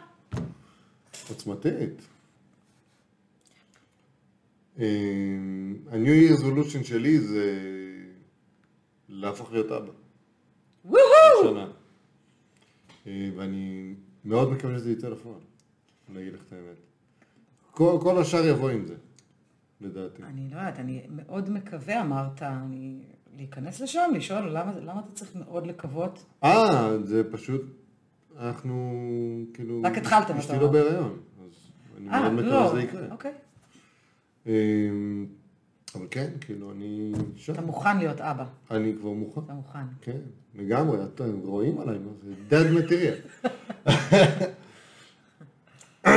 אמ, אז יאללה, שיהיה בהצלחה. תודה רבה רבה רבה, על זה נוותר, כי לדעתי כן. אין פה שום... מספיק. אה, בואי נלך על העצות, אה, יש בסדר? פה פניות פניות מהקהל. כן. כן. ככה אנחנו עושים את זה, לכאורה פניות מהקהל, אחרי זה אני אסביר מאיפה אנחנו זה. אה, דחוף עזרה, מתחתן עוד מעט אבל המשפחה שלה קשה, מה לעשות? סליחה שזה ארוך חייב לפרוק. מתחתן עוד שלושה חודשים עם אישה שאני אוהב, והיא אוהבת אותי, אבל יש אבל גדול, וזה המשפחה שלה, מה תגידי על זה? יש לה משפחה גדולה של 35 אנשים שהם בקשר טוב מאוד לכולם. קומונה. חד משמעית. כן.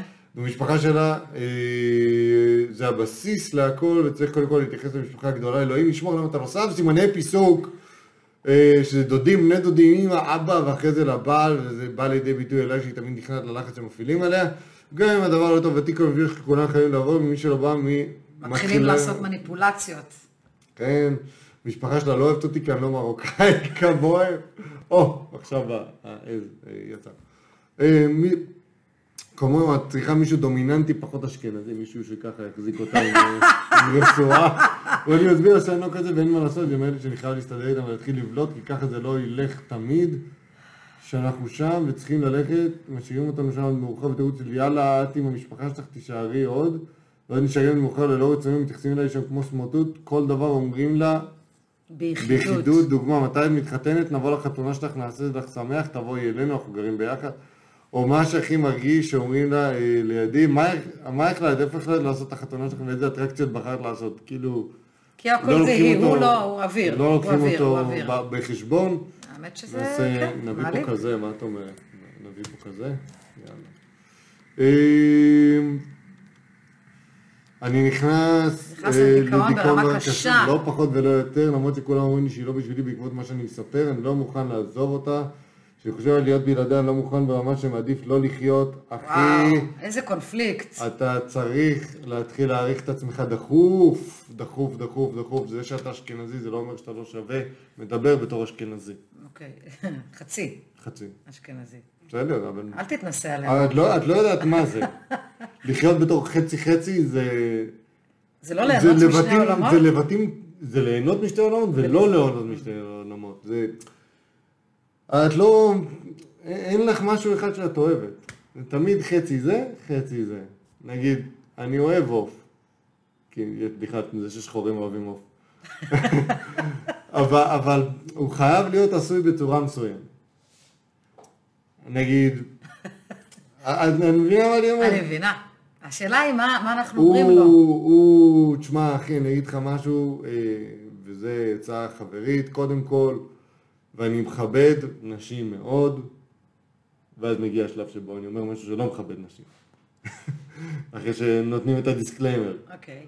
אה, אין מצב, לא משנה כמה אתה אוהב מישהי, לא משנה שהיא אשתך, לא משנה מה שאתה רוצה ולא רוצה, שאתה לא מסוגל לחיות בלעדיה, הרי מה עשית לפני זה? זאת אומרת, אתה מדבר על איזשהו מצב בסיסי בכלל של אה, הוויה קיומית. כן. שאני לא יכול להיות תלוי במשהו אחר בשביל להתקיים. בדיוק. זאת אומרת, אה, עצם זה זה, שאתה זה כאילו אומר עצה את ראשונית זה. בכלל, ללא קשר לסיפור. כן, עצם זה עצם שהוא אומר את זה. זה שהוא אומר את זה, זה כאילו נכון. blows my mind. האמת שמקובל עליי לגמרי מה שאתה אומר. אני, אני הייתי ממשיכה ואומרת, שנניח שהוא עושה, זה- עושה זה את העבודה... מה שבטוח שהוא לא יודע מה זה דיכאון מז'ורי, כי אם הוא כותב לנו כאן, אז אה, זה לא דיכאון ברמה קשה. אה, אני, אני מניחה ש... קודם כל זה... דרמה, זה דרמה. כן, אבל, אבל זה דרמה, וזה נשמע לי גם אחד שהוא רואה את התמונה קדימה, וזה מה שעושה את, ה, כן.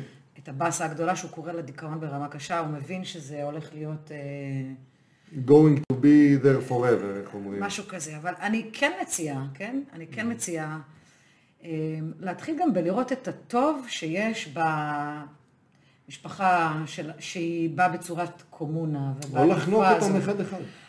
אז אני מציעה לא לחנוק אותם אחד, אוקיי. לנסות להתחיל מזה לראות את הדבר החיובי שיש שם באמת, הביחדנס, הזה שאחד הוא תמיד למען השני.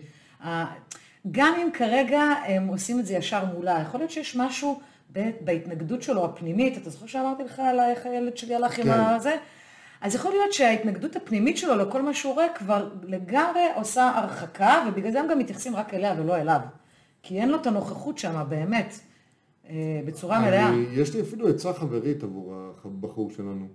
קח את הגברים הדומיננטיים הבולטים של המשפחה, תזמין אותם לערב פוקר אצלך. לא, בבקשה. ככה תיישר את העניינים, הם ידעו שאתה יודע, אם, אם אתה טוב בפוקר, זה בכלל if you can beat בונוס. them, join them. זה כן, כאילו... זה, תבוא, תסתלבט איתם, תרים את האווירה, שתה איתם, זה, זה לילה שלם שאתה מקדיש לעצמך, תעשה צחוקים, תעשה עניינים, באמת, ככה זה, ככה זה יקדם אותך, כי עכשיו אנשים ידברו עם אנשים וגברים ידברו עם הדברים, ואגב, אם יש מפגשים חברתיים, שאתה לא מדבר עם הגברים, מדובר על מרוקאים, אתה תהיה בבעיה מהר מאוד.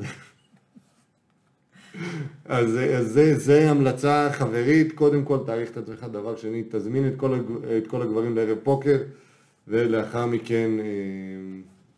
אה, כן, אני חושבת ש... קונקרטית.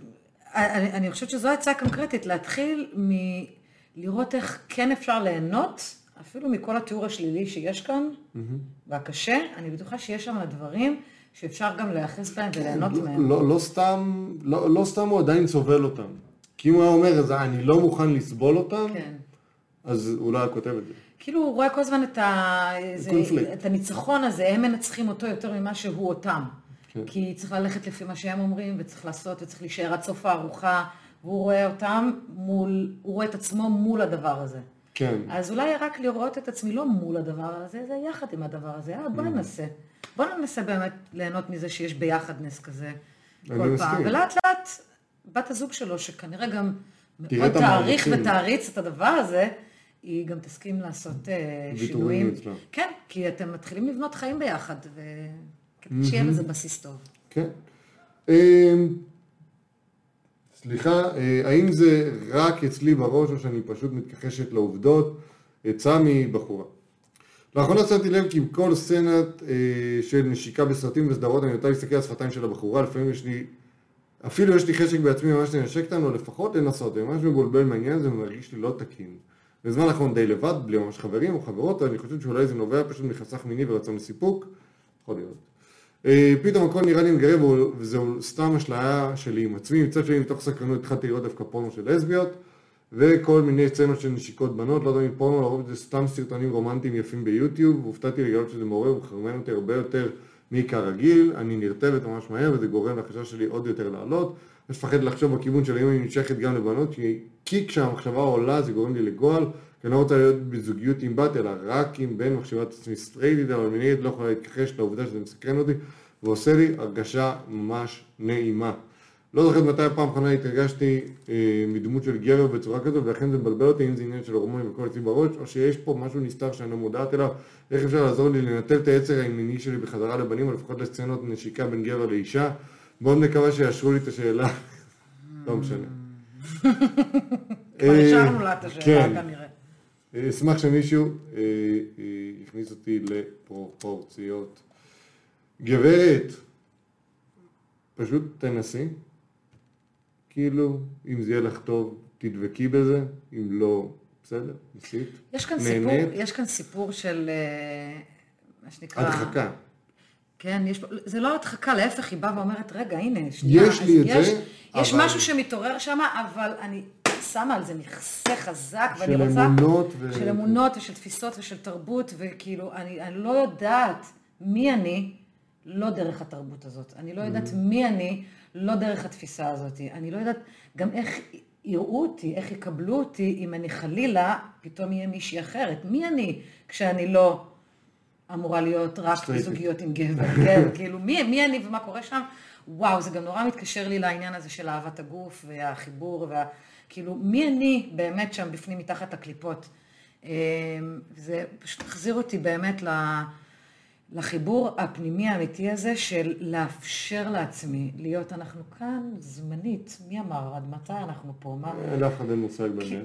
אין מושג לאף אחד, אז באמת, רגע, קודם כל לאפשר לעצמי את זה שמותר לי להתלבט.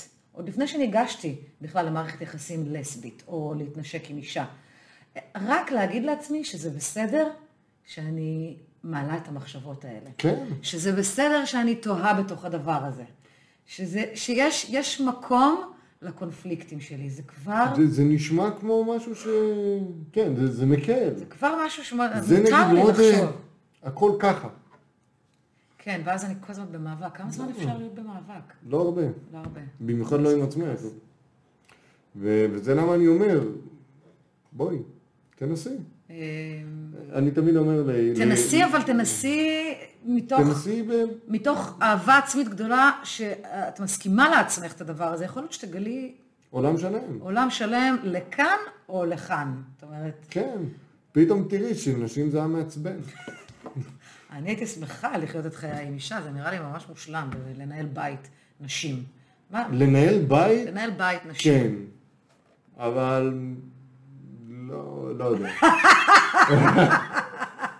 שאתם תנהלו את הבית ואני... אה, אבל אה, כן, אה, נשמה יקרה, תני לעצמך ניסיון מאהבה. באמת. ותשחררי. אה, עוד אה, עצה אחרונה, בואו נראה, אוי ואבוי, איזה, איזה שאלות, יש לנו שאלות מטומטמות בסוף. אה, נמשכת לחבר של הבן זוג שלי, בא לי למות. כמובן, אה, ככה. מושג, בא לי למות. ניקח את מזרק הדרמה, כמו שאני אוהב. תשמע, זה וואו. כן. כפי שאפשר להבין מהשאלה, אה, אני כבר מרגישה רגשות אשם ובחילה מעצמי שאני חשה את הדברים האלו, יש לי בן זוג כבר שנה, אני מאוהבת בו, הוא האידיאל מבחינתי בכל התחומים, הוא עושה אותי כל כך מאושרת. לפני כחודש יצא לי לפגוש את החבר הטוב שלו, עם המזל, הנאחס שלי, החבר הכי טוב שלו, הוא הטעם שלי בכל קשור לנראות. שלא תבין לא נכון, אני מאוד נמשכת לבן הזוג שלי וגם בעיניו יפה תואר, פשוט חברו הוא התיאור המדויק לטעם שלי. אגב, קראתי שזה משהו אצל נשים, את יודעת? מה? אצל גברים הרבה פחות אכפת לנו איך היא נראית, אבל אצל נשים יש טייפקאסט של מין צ'קליסט של הוא הטעם שלי. תגיד לי, אתה מגלה לי עכשיו עולם, לגברים הרבה פחות חשוב איך בת הזוג נראית? בעניין של סקס כן, בוודאות. אה, ו- ואני אגיד לך עוד משהו, אני אגיד לך עוד משהו, את מכירה את אני כבר פה? לאן נפלתי? נו, את מכירה כבר את- אני כבר פה? אני- אני כבר פה, אז בואו נהנה מזה? כזה? אוקיי. נשמה, אני המלך של אני כבר פה, לשעבר. תשמעי, תשמעי, אני לא רוצה להגיד את דברים עשיתי, אבל אני כבר פה היה שם, ותשמעי, זה משהו שמחזיק אותנו כ- כמין אנושי. אוקיי. הרצון, הגברים שבאים, שאני אגיד עכשיו דברים בוטים בשבילך, שלא תרגישי שהלכת לפה שאנחנו נקיים מדי, השפיך במוח של גברים מנהל אותנו ביום-יום.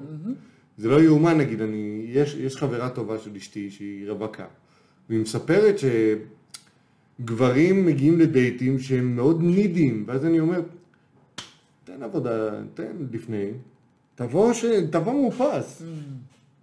תבוא מאופס, תבוא שהראש שלך לא, לא מתחנן. ואני כבר פה, הוא בול ההפך של הדבר הזה. הוא בול העניין של, טוב, אני, אני לא מתחנן, זה כבר קורה, אז אה, אני אריץ את זה. אוקיי. אז אה, מה, מה, מה שקורה פה, זה, זה בול ההפך ממה שאני מכיר בתור מוח גברי. כלומר, הוא בול הטעם, תביני, אה, איפה זה היה? זה מפעיל אה, אותה, בגלל שחיצונית... אני מאוהבת בו, הוא האידיאל מבחינתי. לא, היא מאוהבת. בבן זוג שלה. כן. אם המזל הנאחס, החבר הכי טוב שלו, הוא הטעם שלי בכל הקשור לנראות החיצונית. כן. וזה מפעיל אותה, הנראות החיצונית הזאת מפעילה אותה. כן. אה, בטח הוא תימני לא הבנ- אני לא מאמינה שנפלתי על גזען ענקי פה, ברור, כאילו, זה אני. אחרת אין עניין, אתה אומר. בטח. אז אה, אה, מה עוד? אה, וגם הדיבור שלו מושך ואני פשוט מרגישה רע עם עצמי כל פעם שאני פוגש את החבר הזה, כי אני לא רוצה להרגיש דבר ואני רוצה שהעיניים שלי יהיו מופנות רק לגבר אחד שהוא בן הזוג שלי. כל הכבוד לך. שלא תטעו, אני לא מתכוון להרוס את הזוגיות שלי בגלל משיכה מפגרת, אני פשוט רוצה שמישהו יגיד לי שזה קרה, לא גם, ואני לא היחידה שמרגישה אה, חרא. זה בטוח קרה למלא אנשים, והיא לא היחידה. מיליונים. כן, כל כן. הזמן. ו- ואני אגיד יותר מזה, כאילו, זה, זה הכי קל, זה, זה, זה, זה איזושהי פנטזיה הרי. כי מה יקרה? נגיד והוא, נגיד והוא בול בול בול לטעם שלך, ואמרתי פה בול בול, אוקיי? אבל נגיד והוא בול לטעם שלך, בסופו של דבר זה יהיה זוגיות, ואז האם את רוצה להיות עם הבן אדם הזה? זו השאלה שמכבה הרבה מאוד הידלקויות כאלה ואחרות לפי דעתי. וזה מה שקרה לי, שאני כבר פה נשאר, אני הייתי כבר שם. אני לא יודעת, היא כנראה בחורה צעירה, כן, כן? היא צעירה, היא צעירה. לדעתי 21, 22. אז בא לי כאילו להיות רגע שנייה המלאך הזה שבא מה... יש לך מלא זמן, לא. לא, לא, דווקא לא, לא? לא. זה כאילו, כאילו להביא איזה wisdom שיש אותו מאוחר יותר. מאוחר יותר, ולתת לה ממנו קצת, אולי... אה, למרות שלא מרגיש. מה לא מרגיש? שיש לי wisdom? לא, שזה מאוחר יותר. אבל את העצה... רואה? גם פה, גם פה. הכל אתה, אין מה לעשות. סער ברם, שיווק ומכירות, זה השם השני שלו. כן. אה, אבל אני מציעה אה, דבר שנקרא כנות רדיקלית. וואלה. כן. מה מה זה אומר? כנות רדיקלית אומר שאם אני יכולה לשבת עם הבן זוג שלי, עם בעלי, ולהגיד לו, תשמע, אני מפנטזת על מישהו אחר, או בא לי, בא לי להרגיש מישהו אחר, ואולי אפילו גם להגיד מי, או להגיד מה, עצם זה שפתחתי את זה ושמתי את הכנות הזאת, וזה הדבר הכי קשה לעשות. זה... בוא נדמיין רגע את אני הרגע רק הזה. חושב על זה, נכון, זה. לא, ואנחנו רגילים להדחיק, כי זה, לא, זה לא נעים להגיד את זה, כאילו מה, אבל יש משהו בכנות הרדיקלית הזאת שנורא מרגיעה את השד. כי זה שד, מה, נכון, מה זה-? יש שם שד, הוא נראה טוב, אולי. הוא בול, וזה וזה, בסוף והיא לא מגלים ש... יודעת, בטעות, זה זין קטן. זה בדיוק, יכול אתה לא יכול. לדעת מה יש בתוך זה- החבילה, אין, זה אי יכול אפשר. מאוד לאכזב. זה באמת, בדיוק. במיוחד אחרי שאתה עושה את השינוי הזה, ואז אתה אומר, יצאתי קרח מפה ומשם. אבל הכנות הרדיקלית הזאת, היא באמת, יש לך בן זוג שאת ממש אוהבת אותו, והוא עושה אותך מאושרת, אז כנראה שיש פה מישהו שמבין, שרואה אותך. אה, לשבת, לעשות על זה רגע איזשהו שיח, יחד איתו, לראות מה קורה לי כשאני פותחת את זה אה, ממני החוצה. לך זה יוקל, לו זה יוקל, או או שלא יוקל, או שהוא יתעצבן. אבל עדיין ואז זה לחיות את האמת, ואנחנו כן, פה בענייני אנחנו לחיות את האמת, לא אמת. את שקר הקורונה ולא את אנחנו שקר... בענייני אמת, אנחנו עוצמתיים. אנחנו לגמרי שם. אה, אז אה, מה- מה- מה מה את מייעצת לה? לפתוח אמת רדיקלית. אמת רדיקלית. לבוא, לשים את הכל על השולחן, הוא כן. מושך אותי, הוא מעניין אותי, לפחות כן. ככה אני מרגישה כרגע, יכול נכון. להיות שבעוד חמש דקות, זה ישתנה. כי הוא דוש וזה- מסריח. ואיך זה יכול להיות שאני יכולה להימשך למישהו כשאני גם אוהבת אותך כל כך הרבה, וכשאני נמשכת אליך וכשטוב לנו, איך זה יכול להיות, למה כל הזמן הקונפליקט הזה, למצוא ביחד את השיח על זה, זה... ובוא נגרום לו להתאבד, בדיוק. כמו שאנחנו אוהבים. אה, בואו נסיים עם כמה אה, שאלות. אה, בסוגריים. מפגרות ולענות ברצינות. זה משהו שהוא אפילו ביקשתי מדרור הפעם לנסח עבורכם. אה, עוד לפני שאנחנו מגיעים לשאלות המפגרות, וזה מה ששכחתי להגיד בהתחלה, תנו תגובה, תנו לייק, תנו share. יש פה את אה, שירלי, לא יודע אם שמתם לב כבר, אה, אנחנו מעל שעה ורבע לדעתי. וואו. מפה לשם. מרביצים. אז יש לי שאלה עבורך, לעוף ליום אחד או להיות בלתי נראה להיות ליום אחד? בלתי נראית ליום אחד. כן? כן. בוודאי, מה על זאת אומרת? הפנים. על עדיף? לעוף פי שמונה. באמת? תחשבי שאת יכולה להיות איפה שאת רוצה, אתה זוכר שאמרת שאתה רוצה. להיות אבא? נו. אז כשאתה תהיה אבא, אתה- אתה תהיה בלתי נראה. למה אתה כל כך רוצה להיות בלתי נראה ליום אחד. אה, קטע כזה. לא, תשמע, אני לפעמים מתה להיות יום אחד בתוך החיים של הילדים שלי, בלי שידעו שאני שם. כי, שימי מצלמות. כאילו, כזה, לה- להבין מה, מה... הרסתי את הבית. אה, אוקיי, יש פה עוד שאלה, כן. שאני לא יודע כמה תתחברי אליה, להאזין רק לג'סטין ביבר או למיילי סיירוס? זה אותו דבר, לא? זה פחות או יותר זה אותו בזכר דבר. ונקבה פשוט, לא? זה שניהם רק פה. הפוך. ג'סטין ביבר הוא הנקבה, מיילי סיירוס היא הזכר. אני לא יודעת, אני רק יודעת שהבת שלי ביקשה מתנה לשחרור מהצבא. מיילי סיירוס. לא, כרטיסי. VIP לג'סטין ביבר שמגיע לארץ בעוד שנה, קניתי. תשמעי, שניהם מכונות לעיתים. אני הייתי הולך על... אה, מיילי סיירוס. למה? על ג'סטין? אני חושב שהוא, יש לו יותר... אה, לא, את האמת שאני לא יודע. יש, יש, יש, יש לי איזו לא חיבה שם. ענקית לנשים עוצמתיות שהצליחו לעשות דרך מטורפת ולהביא שואו ולהביא את האומנות שלהם עד הסוף. אני הולכת על מיילי. אם אתה ממש מכריח אותי. אני, כן, זה בלי, בלי זה לא הייתי יוצא מפה. אז כזה אני פשוט קיצרתי. אני, אני הייתי הולך על ג'סטין ביבר. לא, אני גם הייתי הולך על מה, את יודעת למה? למה? היה לו איזה קליפ לג'סטין ביבר, לא. שבו הוא, הוא שילם לחבר שחור שלו כדי שיפסיד לו בכדורסל, אוקיי. בקליפ. אוקיי? ואז הוא זורק, הוא ממטווח של כלום לסל והוא קולע, ואז הוא מסתכל על המצלמה. כאילו, אתם אמרתם שאני לא יכול לעשות את זה. סתום את הפה, אני בעד מיילי. יש לנו פה הוא משהו... רימה בכדורסל, הלך על ג'סטין. הוא שילם לחבר שחור שלו שיפסיד לו. זה ידוע ששחורים לא מפסידים בכדורסל. אומר לך בתור בן אדם שנחשב ברוב העולם אני לבן. רק עסוקה בשאלה הבאה שמטרידה אותי מאוד, כן. כן? להפליץ בלי שליטה או לעשות גרפסים בלי שליטה? דרור, לכמה זמן? ליום? בוא נלך ליום. בוא נלך ליום. בוא נלך ליום.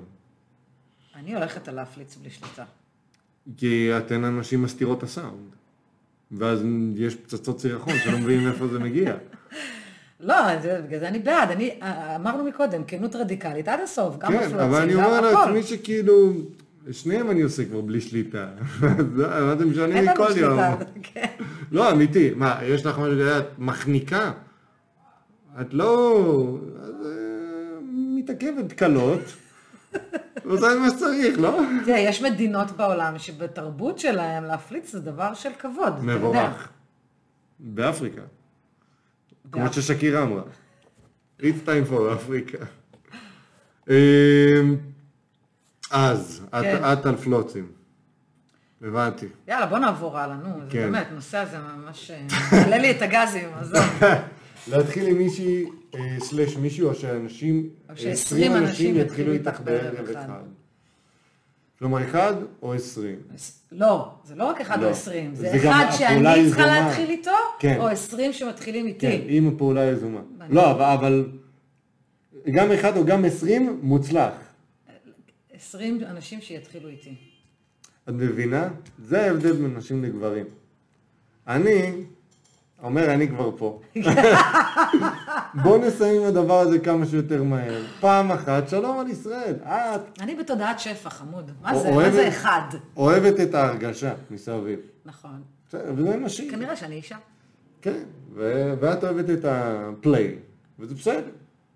זה, זה למה אני חושב שאנחנו חלוקים. למה אני בא, straight to business, עושה מה שצריך, מסיים תוך גג 53 לא, אבל שניות. אני, אני, רגע, אני שואלת אותך שאלה אמיתית, בסדר? יש לך פה אפשרות להתחיל עם מישהי, או שעשרים מתחילות איתך בערב אחד. גם באופציה של עשרים שמתחילות איתך בערב אחד, אתה יכול לבחור אחת שאתה בא, ממצה, נהנה והולך. אז למה בחרת את הדבר המצומצם הזה? כי אני נשוי. כי אתה מה? נשוי. אבל אה, אם את לוקחת אותי כן, שש שנים אחורה, כן, כבר שאני לא בזוגיות, כן. ברור שעשרים.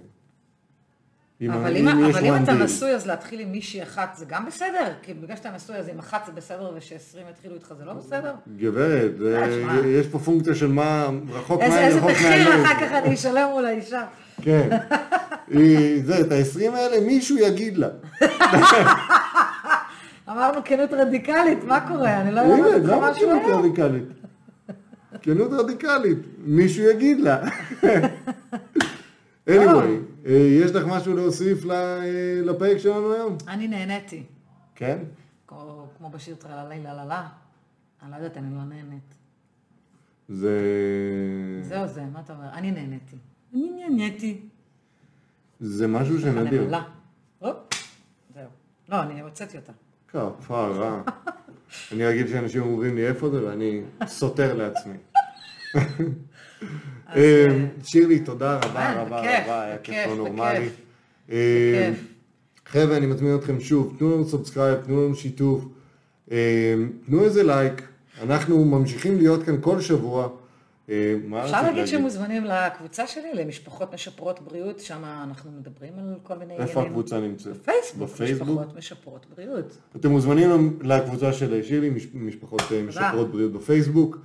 אה, מלבד זה, יש לנו את המייל שלנו לפניות ועצות, advice, שטרודל, no censorship, censorship, רושמים עם s, נקודה קום, כאילו בעניין של לשחק בין censorship צנזורה לבין חיישנים, אוקיי. כזה. אתה מתוקן, שר, ברם, שיווק, מדיה. כן. וכל מיני הצעות כאלה- ואחרות, אה, שלחו לנו מייל ל-info.nocensorship.com אני שר, זו שירלי, אני מאוד מאוד מודה לך שבאת, היה כיף לא נורמלי. אוהבים המון, נתראה שבוע הבא כרגיל, נשיקות, חיבוקים ועוד.